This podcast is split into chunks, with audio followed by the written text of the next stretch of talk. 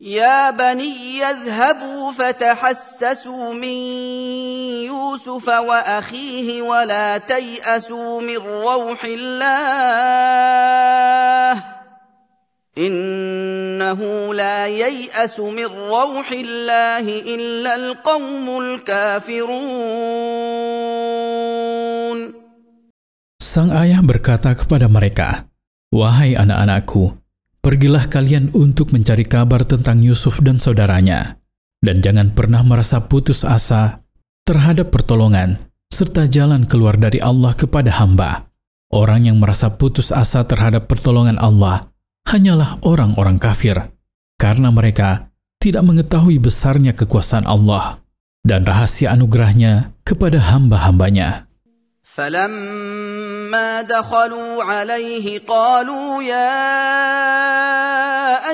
أيها العزيز مسنا وأهلنا الضر وجئنا ببضاعة مزجاة فأوف لنا الكيل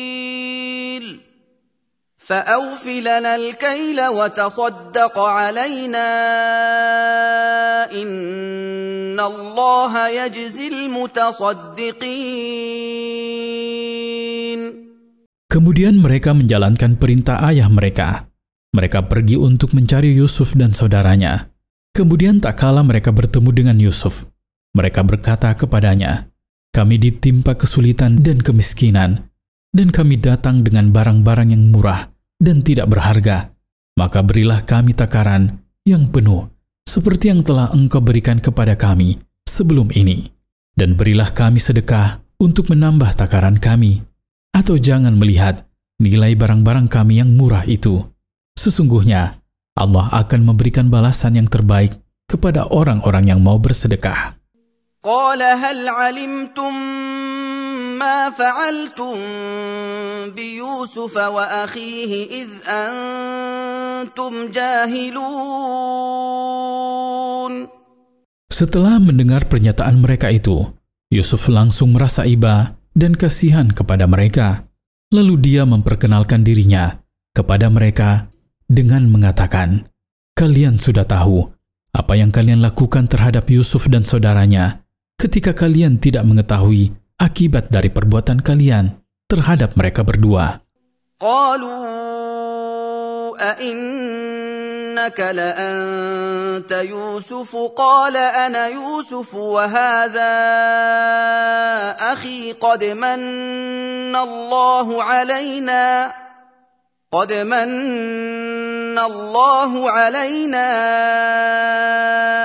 إنه من يتق ويصبر فإن الله لا يضيع أجر المحسنين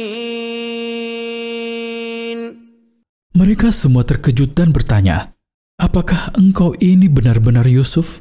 Yusuf berkata, Ya, aku adalah Yusuf, dan yang kalian lihat bersamaku ini adalah saudara kandungku.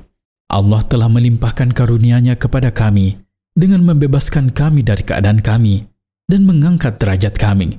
Sesungguhnya, siapa saja yang bertakwa kepada Allah dengan menjalankan perintah-perintahnya, menjauhi larangan-larangannya, dan bersabar terhadap cobaan yang diterimanya, maka perbuatannya itu merupakan amal kebaikan, dan Allah tidak akan menyia-nyiakan pahala orang-orang yang berbuat kebaikan, melainkan akan menjaganya untuk mereka.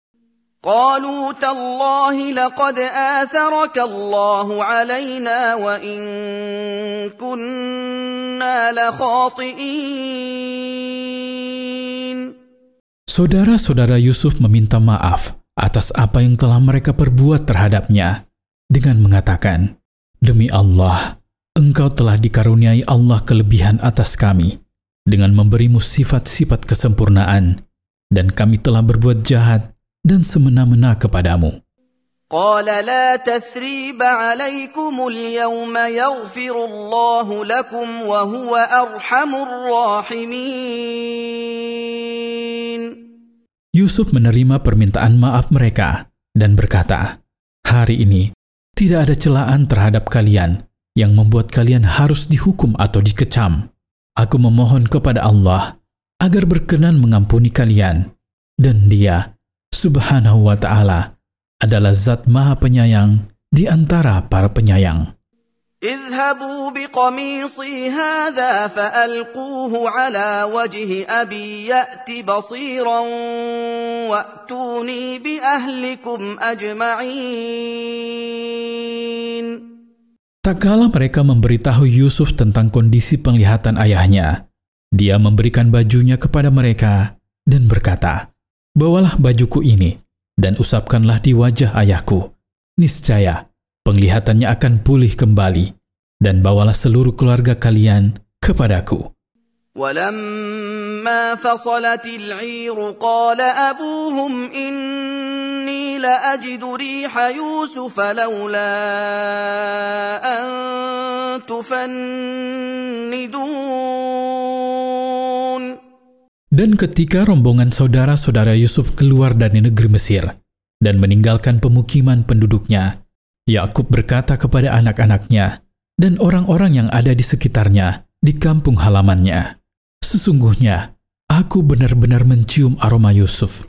Sekiranya kalian tidak menganggapku bodoh dan pikun dengan ucapan kalian. Orang tua ini sudah pikun. Dia mengatakan sesuatu tanpa sadar. قالوا تالله إنك لفي ضلالك القديم Salah seorang anaknya yang ada di sisinya berkata, Demi Allah, sesungguhnya engkau masih berada dalam ilusimu yang dulu tentang kedudukan Yusuf di sisimu dan kemungkinan untuk bertemu kembali dengannya. Faidah dari ayat-ayat di atas. Pertama, mengerahkan usaha untuk mewujudkan keinginan dengan tetap yakin kepada Allah Ta'ala dan tidak berputus asa dari rahmatnya. Kedua, di antara kemuliaan akhlak adalah menerima maaf pelaku keburukan yang mengakui perbuatannya dan meminta maaf kepada orang yang disakitinya. Ketiga, di antara akhlak peminta maaf yang benar adalah memohon ampun kepada Allah Ta'ala. Keempat, menerima maaf pelaku keburukan dan meninggalkan balas dendam, khususnya bila ada peluang untuk membalas dan tidak menyalahkannya atas apa yang dilakukannya di masa lalu.